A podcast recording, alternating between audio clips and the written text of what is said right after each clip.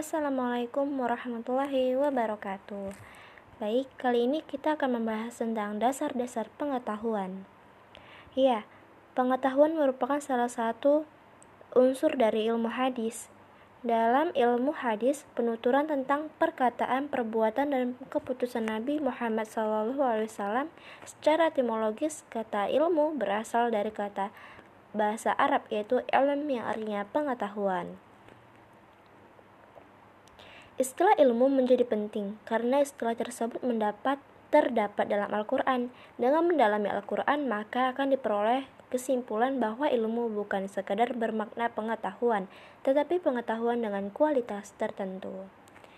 Oke, yang kedua adalah ilmu dalam Al-Quran. Ilmu adalah intisari yang penting dalam Al-Quran. Kata ilm mengambil 105 tempat dalam Al-Quran. Sementara jika dilihat dari kata jadiannya, maka kata-kata yang berasal dari kata ALM disebut tak kurang pula dari 744 kali. Sumber dan kerangka pengetahuan semua pengetahuan pada dasarnya mempunyai tiga landasan yang dapat membedakan antara satu jenis pengetahuan dengan pengetahuan lainnya. Yang pertama adalah ontologi, yang berkaitan dengan objek yang dikaji oleh pengetahuan, hubungan antara objek pengetahuan dengan daya tangkap manusia yang menghasilkan pengetahuan.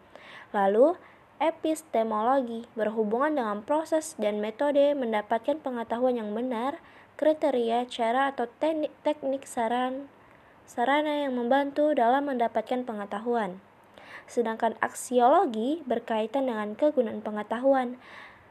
Kaitan antara cara penggunaan pengetahuan dengan kaidah-kaidah moral, kaitan antara teknik prosedural dalam metode ilmiah dan norma-norma moral atau profesional. Sumber pengetahuan menurut empiris adalah pengetahuan manusia didapatkan melalui pengalaman yang konkret. Konkret. Sumber pengetahuan yang ketiga ada, adalah intuisi.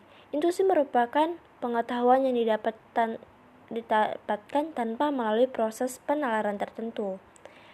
Sumber pengetahuan yang keempat adalah wahyu. Wahyu merupakan pengetahuan yang disampaikan oleh Tuhan kepada manusia melalui nabi-nabi yang diutusnya. Wahyu tersebut diajarkan oleh agama baik mengenai kehidupan sekarang tetapi juga mengenai kehidupan yang akan datang dan di akhirat. Karena itu, wahyu diterima dengan rasa percaya dan keyakinan. Baiklah, itu saja dari saya. Sekian dan terima kasih. Wassalamualaikum warahmatullahi wabarakatuh.